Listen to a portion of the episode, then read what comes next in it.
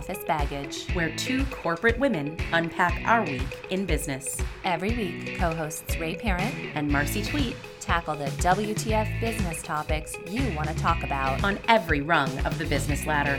Bring your baggage, we'll, we'll unpack it. Today on Office Baggage Cockpit Confessional What is life like for a female pilot?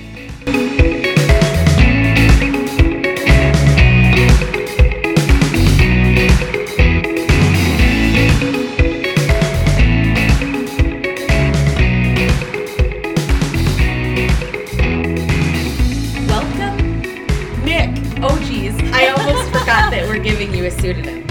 well, thankfully, we can edit. We can edit. Okay. So, welcome, Nick, to the podcast, our first guest. And thank you for having me. It's um, such a pleasure to be here with you guys. And being the first one, I'm, I'm a little bit nervous don't be nervous. It's very it's very cool. We're we're super cash. And I mess up my, all the time, and Marcy just cuts it out. Normally, my answer when somebody says, "Do you want to be the Pathfinder?" I say, "No." I find that somewhat hard to believe now that I know you. So, a little bit of background on our friend Nick. Nick is a commercial aviation pilot with a major U.S. airline. She's been flying since 1986. Yes, she did start when she was a child, and she made it to the majors in 1997 after serving as a line pilot for many years, she also began teaching other pilots how to fly new and different aircraft in the simulation facilities. And she did this while continuing to fly international routes as the captain of a wide body aircraft and while raising three young boys. Well, now that you put it that way, it sounds like a whole lot of work. But you know, um, it was day day to day kind of stuff. And not to mention that we all met. You are one of our classmates at our Kellogg executive MBA program. So on top of all of the things that you do, you're now getting your MBA. Yeah, I quit. yeah, you know, I don't know that this is a time really as we approach six hours worth of finance classes to be talking about all we're doing. It just makes me want to kind of pack up and go shop or something for the day. Yes. It's just it's one of those things where in life you get busier and busier. So I thought, you know what, this is the right time for me. I better just go do it. Well, they always say if you want something done, ask a busy person. That's right. Right? So, hey. I think they say ask a busy woman, That's but true. good for you for saying person. I am trying to be politically correct and inclusive on this podcast. Right? oh, apparently today's a new day. All right, so let's start off with hearing a little bit about your background, Nick, because one of the first things that I remember from my experience here at Kellogg is you talking about discovering your love of flight and how you pursued that. So, can you share a little bit of that? Sure. So, most people have seen my Big Fat Greek Wedding and that was like watching home movies. So I grew up here in Chicago, big fat Greek family, you know, and there are in everybody's business and, and in the restaurant business and everything. So when um, I was asked by a teacher to go do a, an interview of an occupation, naturally my family said, "Oh, come to the restaurant and interview me," you know. and I had other ideas. Um, so I had my mother drive me to the local airport and I set up an appointment with a flight instructor. And I had a bazillion questions. And it was just a little 172 four seater um, airplane that he was instructing in. And as we were talking, he said, You know, now mind you, I'm 13 years old. He said, um, I have a, a student right now. Do you want to continue our interview in the airplane? And I just looked at him like, like if he had said you won fifty million dollar lottery ticket or this this airplane ride, I'd pick. I would have picked the airplane ride at that moment. Had you ever been on a plane at that point? Um, not a little one. Wow. So we had been flying back and forth to Greece in the summers would do our, mm. our daily our you know summer trip. And that was a different time where the, the cockpit, now flight deck is the politically correct term, um, where the cockpit was always open. And the guys were up there like smoking cigars. People would come in and talk and there was always lots of in and out of the cockpit. And i was always there. Wow. So we'd go and i would just people would go right and i'd go left into the cockpit. You know was a little kid and my dad'd be like yeah come on get out of there. That you're bothering them you know? So imagine now i jump into this airplane. My mother is in the parking lot pre cell phones, pre anything, waiting for me to come out from this interview, which is now taking a lot longer than she's thinking. Because I didn't even ask for permission. I was so excited. I just said, "Yeah, let's go." Jumped in the back. Meanwhile, your mother does not know her 13 year old No, is she- in a plane. With With the guy some she strange- just two met. strange men, right? Oh, jeez. So tell me about that. So you you have this amazing experience. So I just I caught the bug, you know, and that's what we call it. And most pilots are most commercial pilots know at a very early age that they want to become pilots. It's a strange phenomenon. So I came home and I said to my dad, so I went to the airport and um, and and I did this interview and I went up in a little airplane and he's looking at me like now I think you're just lying to me. you know, and I loved it. And I just, I really just want to learn how to fly little airplanes. And he said, We are Greek. We do not do these things. As a dad, there's Oh got to be some. Greek pilots out there, you know. And and so we let that sleeping dog, dog lie for a little while. And I was, you know, after my mom about it. And she finally changed his mind. Um, and he said, okay, you work, you save money, you get driver's license, and then you and then you do. So he's hoping from the age of 13 to 16 that I'll forget about it, basically. you know. Great. But I didn't. And um, now you raised the money yourself. I um, worked in the restaurant and in a grocery store to save up the money to get my private, which at that time was about $3,000. That was like, it might have been a million dollars to me. It seemed like such a huge number. How old were you when you got your Um, private license? I was 16. Wow. Yeah. Amazing. So I, I soloed when I was 16. I got my license when I was 17. So it took a year through school and everything to uh, to get it done. And then my mom and dad helped me through college, University of North Dakota, best flying school in the country as far as I'm concerned. North Dakota. Shout out to North Dakota. Shout out to North Dakota. Marcy's homeland. It is. So uh, tell me about your journey to the majors. It was a long journey to the majors. When I graduated college in 1990, um, there were pilots everywhere. It was it was you could throw a rock and hit a pilot. Difficult to find a job. When you graduated from UND in 1990, how many women, what was the ratio then of the women in your class? So I graduated a little bit early, and the classes were a little strange with aviation because most people took uh, five years to get through because the flying was so intensive. Because I got there with my private, and I had some AP courses, I had some credit toward Okay. college. I was able to graduate in two years and 11 months. Wow. Yeah. Wow. So it was fast and furious. Then I so I get out to the real world with my CFI. I'm an instructor. I'm a double I. I'm an instrument instructor. I'm an MEI. I'm a multi-engine instructor, and I can't get a job, you know, at the ice cream shop. Wow.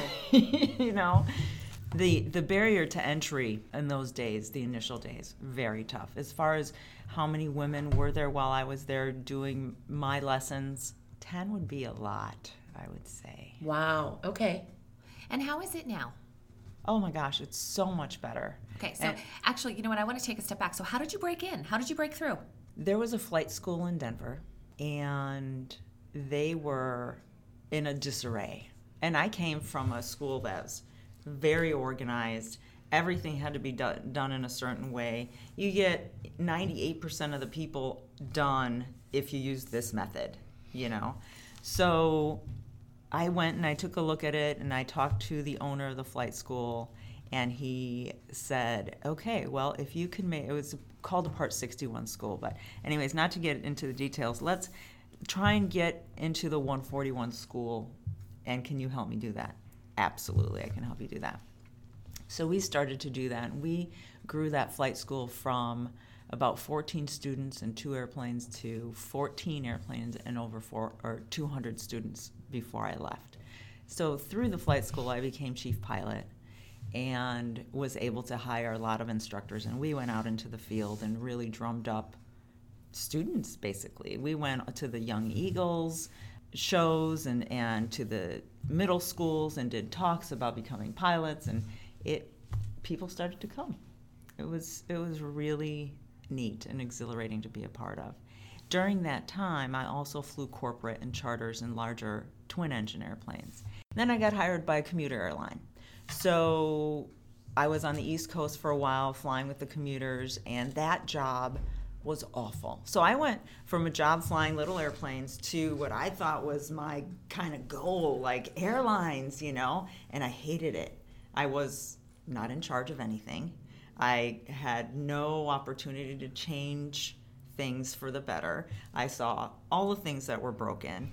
And around 1994, I thought, you know, this industry really is terrible. So I'm going to quit and get a job here in Chicago. We lived in Chicago. And um, go back and do my MBA. That was the plan. You know, my husband's like, absolutely, I'll support you, whatever you want to do, you know. So then I get a call and I'm filling out my application. I have interviews to come to Northwestern. And um, it's my friend Tim. He said, Nick, you still flying? And I said, Yes, but this industry is really something. I'm thinking about going back to school and getting my MBA. And he said, Well, how'd you like to come fly 737s for me? And I said, Well, are we drug running? What are we doing exactly? and he said, No, I'm the new chief pilot of XYZ Airline, and I have me an HR department. Well, it's really just one lady. And she told me I needed to go hire a split tail. A split tail. And So Marcy and I have this look on our like we should we should have a photographer here with us. Um because we both have this look of what's a split tail, but we also have this look based on the look on your face of we don't want to know. you really don't want to know. Thank goodness that term Wait, has I'm- fallen out of fashion. And because I was kind of jaw dropped on the other side of the phone because here I am with a job I really want, right? And getting it in a way that I'm kind of embarrassed to get it, you know, even though I had worked so hard and had, I was ultra He needed to hire a woman. He needed to hire a woman, and we had flown together, so he knew how I flew, right? And that's what he said. He's like, "And you're the only one I can think of who can fly, so when can you start?" And I said, "Well, um, I can start whenever you need me, but there's a condition." He said, "Sure." I said, "Never ever call another female a split tail." He's, "Oh, I didn't mean to offend you." Now, I'm, Oh, I, I, have, I have looked. I have looked at the Urban Dictionary definition of a split tail, and I'm going to choose not to read it on this podcast. But if you're wondering, it's out there, and you can Google it. I'm I'm gonna not just based very, on the look on very both of your derogatory term for, for Wow. women. It's not nice. But that was the era that, and that was the general um, boys' club that was there. I mean, there was porn in the cockpit at that time. There was all sorts. There of, was porn in the cockpit. Well, you need to go. interesting. I just got a WhatsApp from a gentleman in our cohort that said, "Ask Nick about porn magazines in airplanes." dot my dot dot. goodness. Honestly, the story is really good. Porn in airplanes? Ah, yeah. So the women before me, the women prior to my generation of female pilots, really had it rough. I, I can't fathom some of the things that I hear from them. One one female in particular um, blew the whistle, if you will, on the porn in the cockpit. It, we all knew it was there, right? But you had to go hunt for it to find it. Okay. Now, in a flight deck, you have, and I, I intertwine cockpit and flight deck. I still call it a cockpit because I'm most comfortable with that word, but it's not correct anymore. Why is Uh, it not correct? it- oh, because of. Oh, really? Okay. That's cockpit came. cockpit came from Yeah. cock. I mean, it's the ultimate boys club. no. Yes. Yes. No. really? Okay, so let me let me. I'm like choking. I need It's water. a room full of penises. That's what's going on in the cockpit. No, I don't know. right. Well, My God. so we used to all carry these little like um, six in one. They're they're Swiss Army knife type Sure. tools, right? And one of the tool was, you know, the the pliers on the front and the screwdriver in the back, and you open it up, it had a little nail file and a little knife. After September 11, those all went. But anyways, we all had those in our flight deck, and on long flights, some of the guys would go up and they'd remove a panel. There's four screws that hold in a panel, and some of the panels are like this big.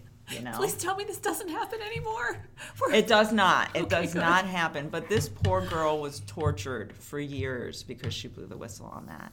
And that's the type of thing I'm talking about. So, So they would unscrew a panel and put porn in it? So they would unscrew a panel, and you know what? Some of the guys were just artists, right? They would take a, you know, play Playboy magazine, and they would use an X-Acto knife and, you know, perfectly carve out whatever form they wanted. And then they would paste it onto the back of the panel and, like, you know, glue it with you know that epoxy glue and then put the panel back so whoever then looked at that panel would be oh cool Wow. wow. yeah yeah And this was not like, I mean, I, I realize people can't see you and our, our listeners can't see you.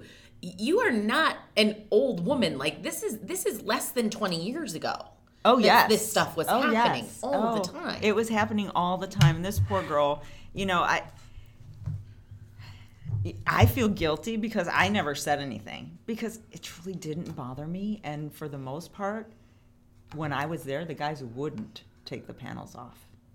And I don't know if it was out of respect or what, but we would always be chatting and, and they never had time to kind of sit back and go, oh, I wonder if there's anything in that one, you know, and, and look. Wow. But evidently, this this um, female pilot, she blew the whistle on it, and then her life was miserable, miserable. I mean, everywhere she went, she had, you know, porn in her V file, porn in her books, porn in her flight case, porn, you know,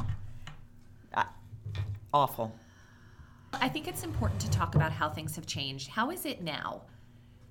Um, are there more women pilots? Do you ever have the opportunity to fly with other women? Oh, flying with another female is such a treat. It's it's so exciting. You see the name and you're like, yes, you know, yes, I do. And the the stories that they have, the stories that we talk the entire time, because there's such a bond. Um, for example, I flew with one of the first female 747 pilots in the world, right? And they said she she was a rock star. I mean, such a great pilot, so good with all of the people. Very, you know, I, I emulate myself after her. You know, moments of like, what would she do right now? She was going through flight training, and she's like, it was such an easy airplane to fly. It was such a beautiful, smooth airplane, easy. And they told her that when once she finished up, they told her that they really didn't think that she was the right material to fly 747s. oh wow. And she said, "Did I do something wrong? I have all like basically sc- straight A's in my grading, you know." And what what do you mean? They said, "No, we think your hands are just too small for those four levers to push up." I'm I'm speechless. You you can't make it up. cannot make that up. You know, and, and I'm in the cockpit and I'm looking at her and she's looking at me like, "Yeah, this it happened." wow. She clearly fought that though. She fought it. She went she didn't have to go get lawyers or anything, but she did fight it. But again, now she's somewhere where nobody wants her. That's so hard. You know, every day going mm-hmm. to that job. She's like, "I love the job." And you know, the guys warmed up to me after a while, but it was really rough for for some time.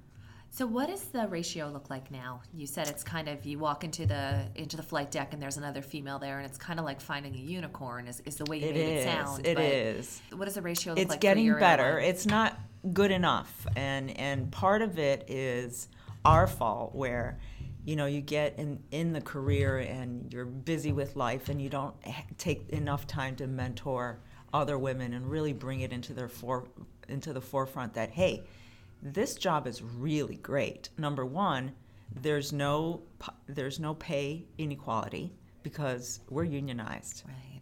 there's you know no barriers to becoming a captain. When your numbers up as long as you can perform you become a captain you know um, great way to see the world great time away from home and at home because you do get a lot of days off so as far as females go plus we're really good at it we're really good at it because it's a collaborative kind of approach that you have to take getting that flight out on time.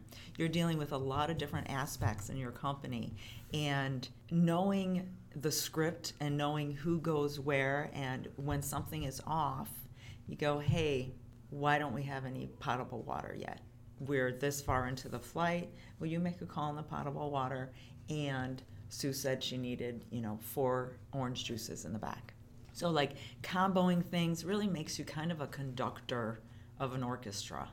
And quite frankly, we're just good at that, juggling a lot of things at one time. So, as the captain, does everybody do what you say? Because one of the things Marcy and I talk about frequently on this podcast is needing to repeat ourselves or approach one point from multiple angles because we're a woman. As I find with men, they say it just once and that's sufficient.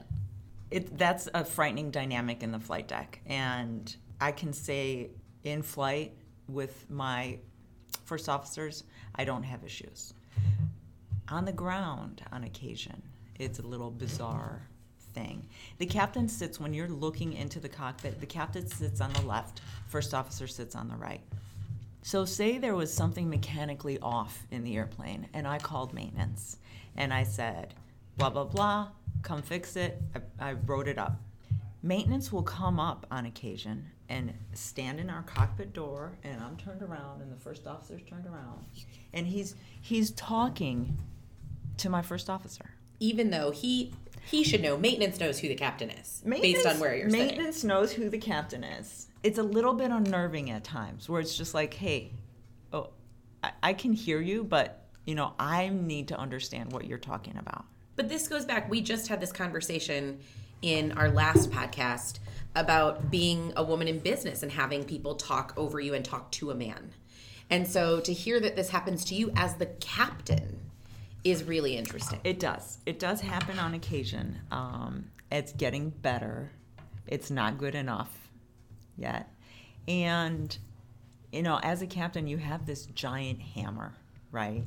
Um, which likely you never ever have to use. If you can think of other ways of doing things, you don't ever have to bring it down. And when you talk about the giant hammer, you're talking about pulling rank. Yes, like we are doing this because I said, you know, which is kind of a failure Right. in my mind, right? You watch the situation evolve and you ask a couple pointed questions, and then all of a sudden he's talking to you because you're the captain, you're not a girl anymore, you know.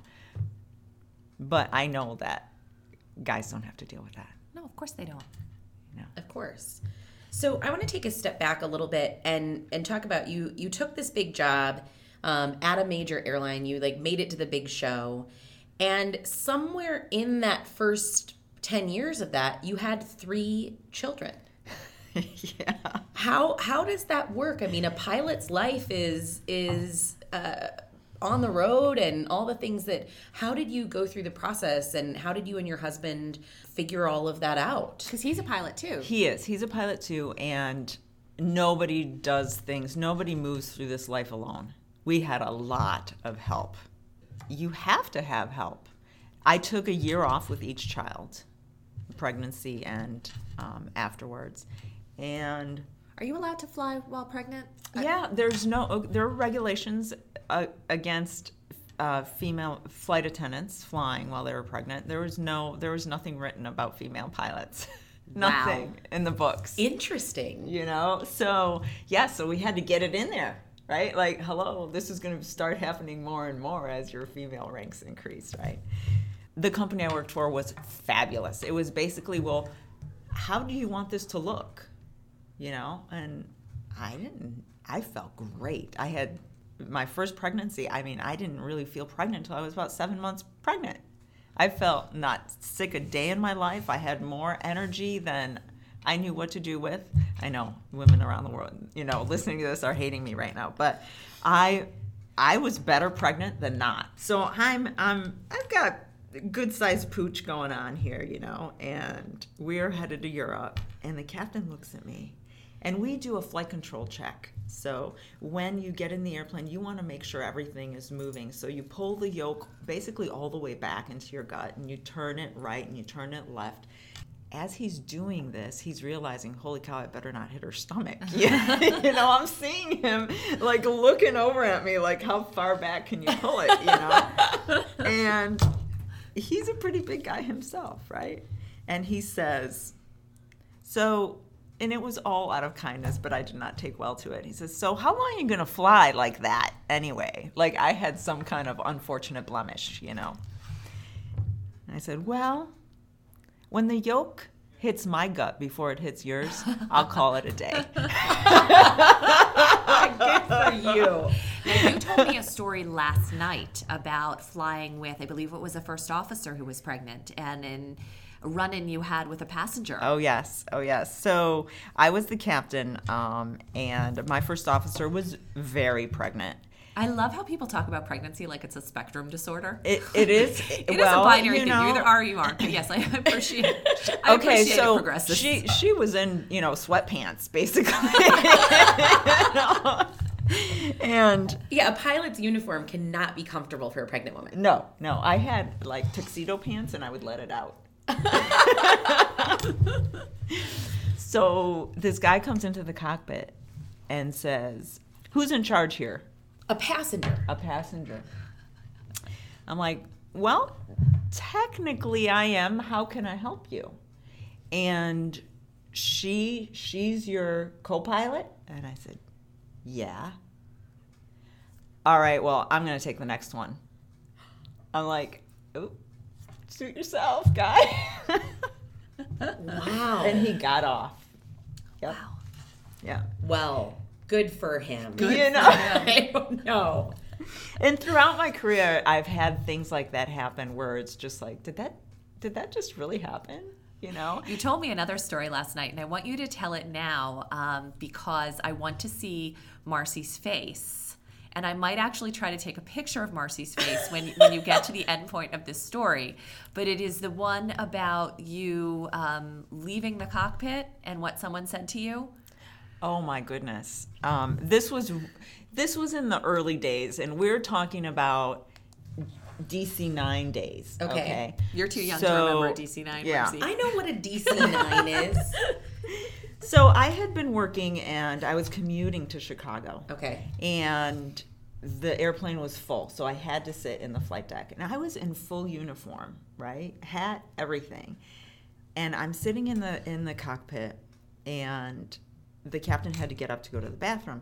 The, the first class galley area in the dc-9 is teeny tiny and there was a guy loitering up there during the flight you know he was just kind of talking to the flight attendants and loitering basically so i opened the door to let the captain out and he takes one look at me and he takes a look at the captain and he says to nobody in particular, Wow, the pilots get their own waitress? No. yes. yes. And I I was in I was like, you know, like roots Oh. had grown in through the bottom of my feet. I, I was just frozen. And and the captain says, She's a check pilot. She's making sure we do everything right. And he goes, Oh, oh, okay. And he scurries back to his seat, and we were laughing the whole way back to Chicago. Captain gets his, or the pilot gets his own waitress. The pilots get their own waitress. I wasn't even a flight attendant rank.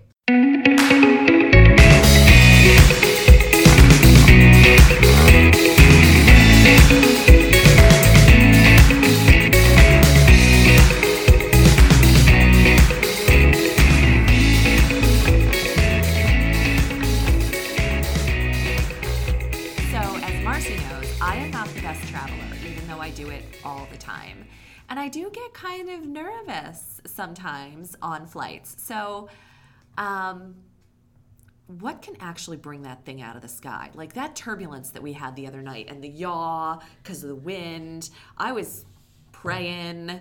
This was the number one question. So we asked on Facebook and Twitter and asked our friends, what do you want us to ask a major airline pilot? And the number one question was like, can I die from turbulence? Uh, if you give yourself a heart attack, I mean, the the airplanes are made to be stressed to a really high level. Okay, so can severe turbulence cause an issue? Yeah, but you know what? Severe turbulence, maybe in my career since I was 16 years old, I've had it twice.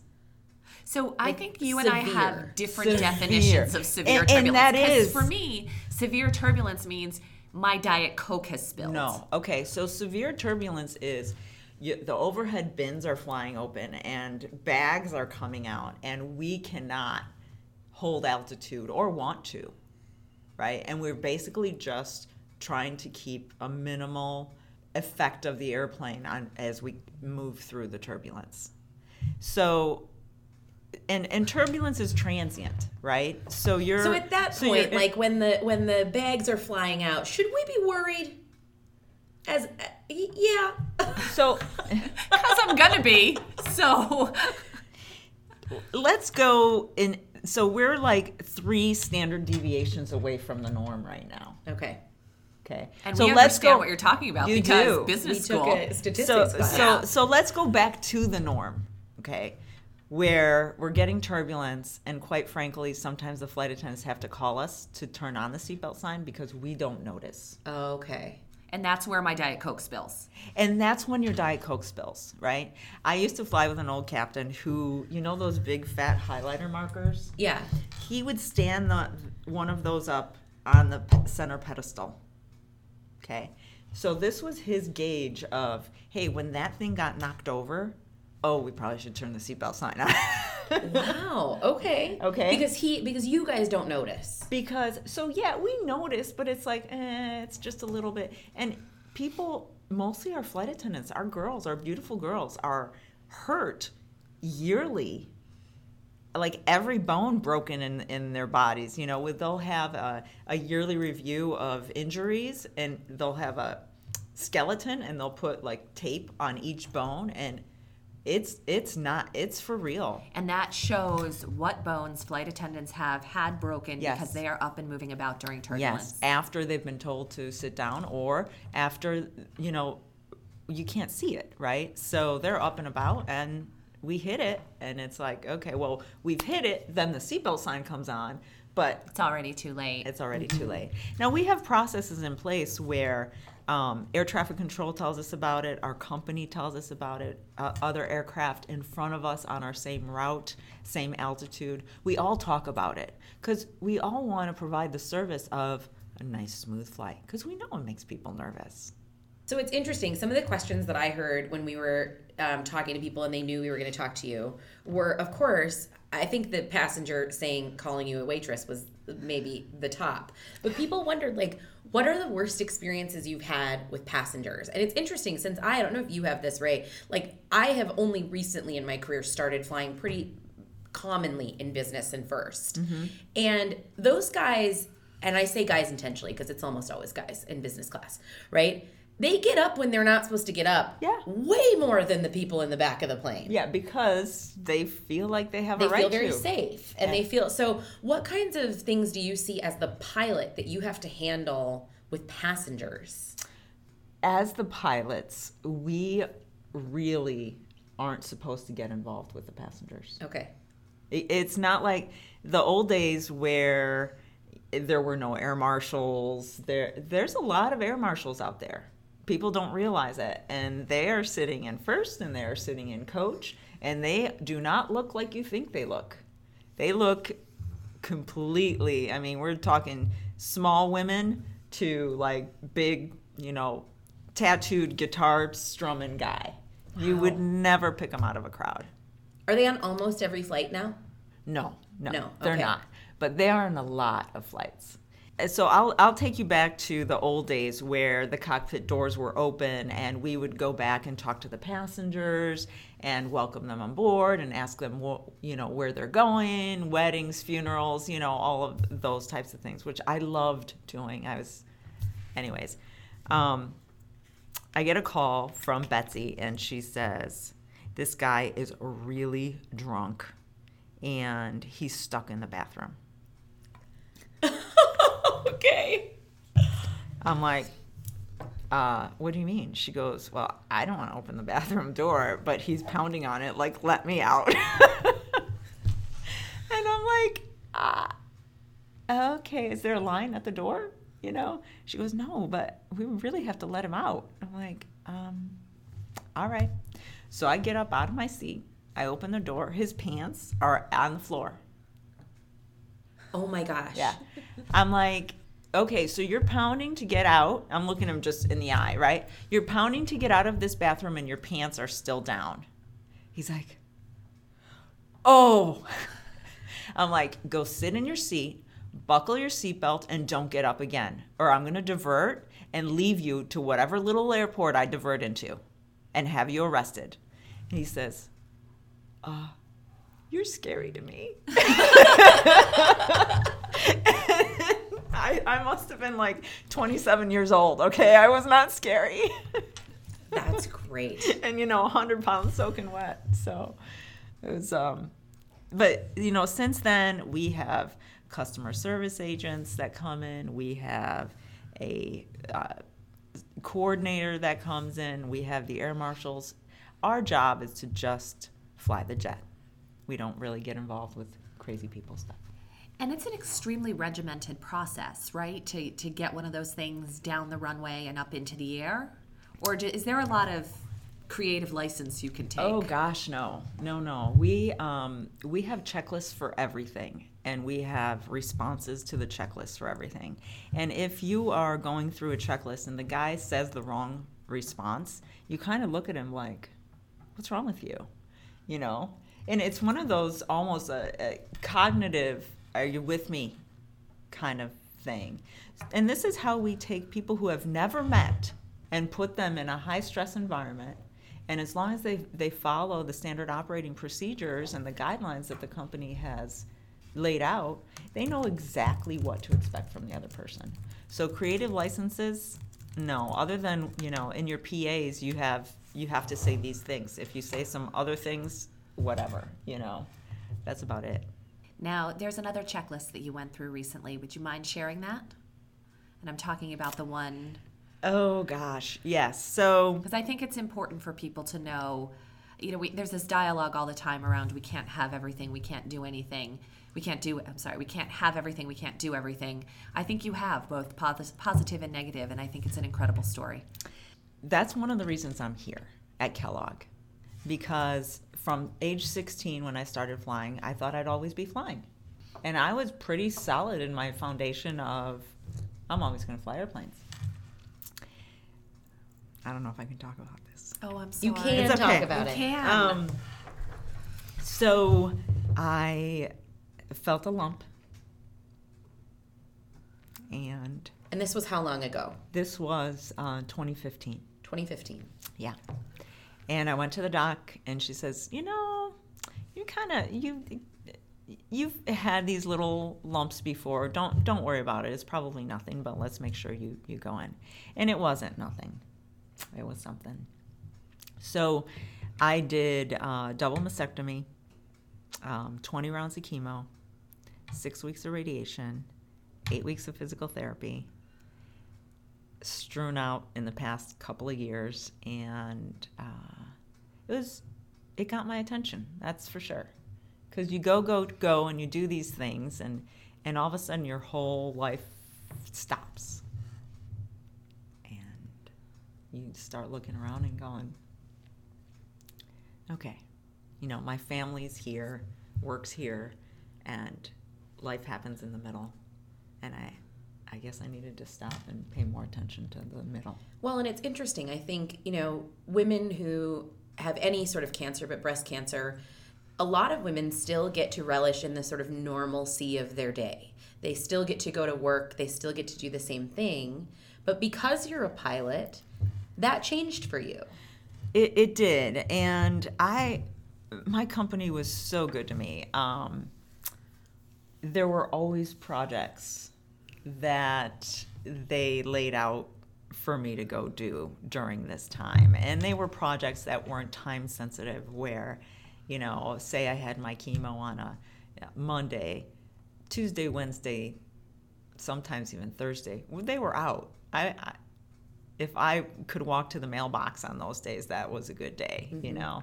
Um, but by Friday, I was feeling good again and I wanted to go do stuff and I don't like to sit idle. So I had the opportunity to, to go in and be with people and talk with people. And I was, um, it was very good for me emotionally to be able to contribute in some way. Mm-hmm.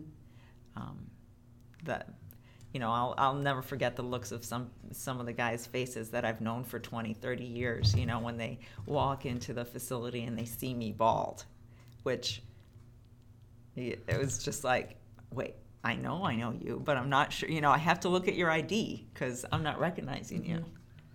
Now, you had a major milestone a few weeks ago. I did. I did the reconstruction was was complete and I got my medical back. Got your medical And that back. is huge. So you get to go back in the air. I do. I do. Now, the tamoxifen that you you take a anti um,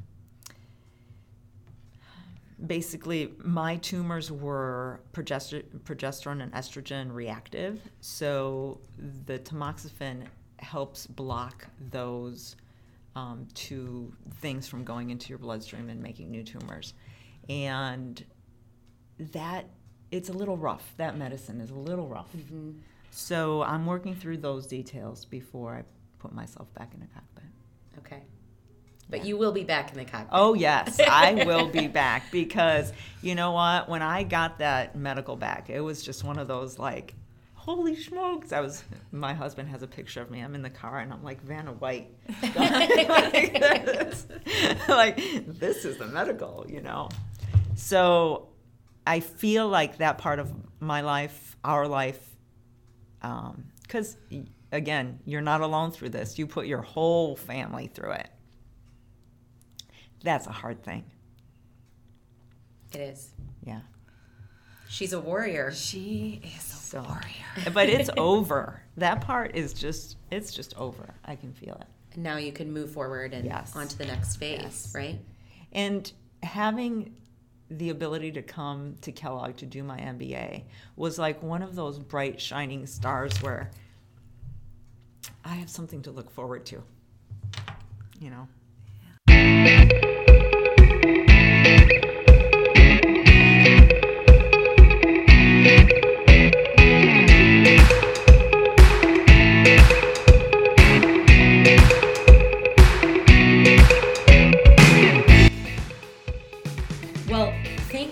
Much, Nick, for being here. Ray and I have so enjoyed getting to know you in our Kellogg class, and I know that all of our listeners will be really excited to hear your experience. And we'd love to have you back because there's so much more we could talk about. I have so many stories. And I feel like we just scratched the like little surface, and I would love to share them. They, they will crack you up. Yes. One of my absolute favorites you didn't share, and it's from a little old lady, and I just think it's the sweetest. So we'll have to save that Okay. Yes, we're gonna bring bring Nick back. If you have questions for Nick, um, send us an email, ray at officebaggage.com or marcy at officebaggage.com.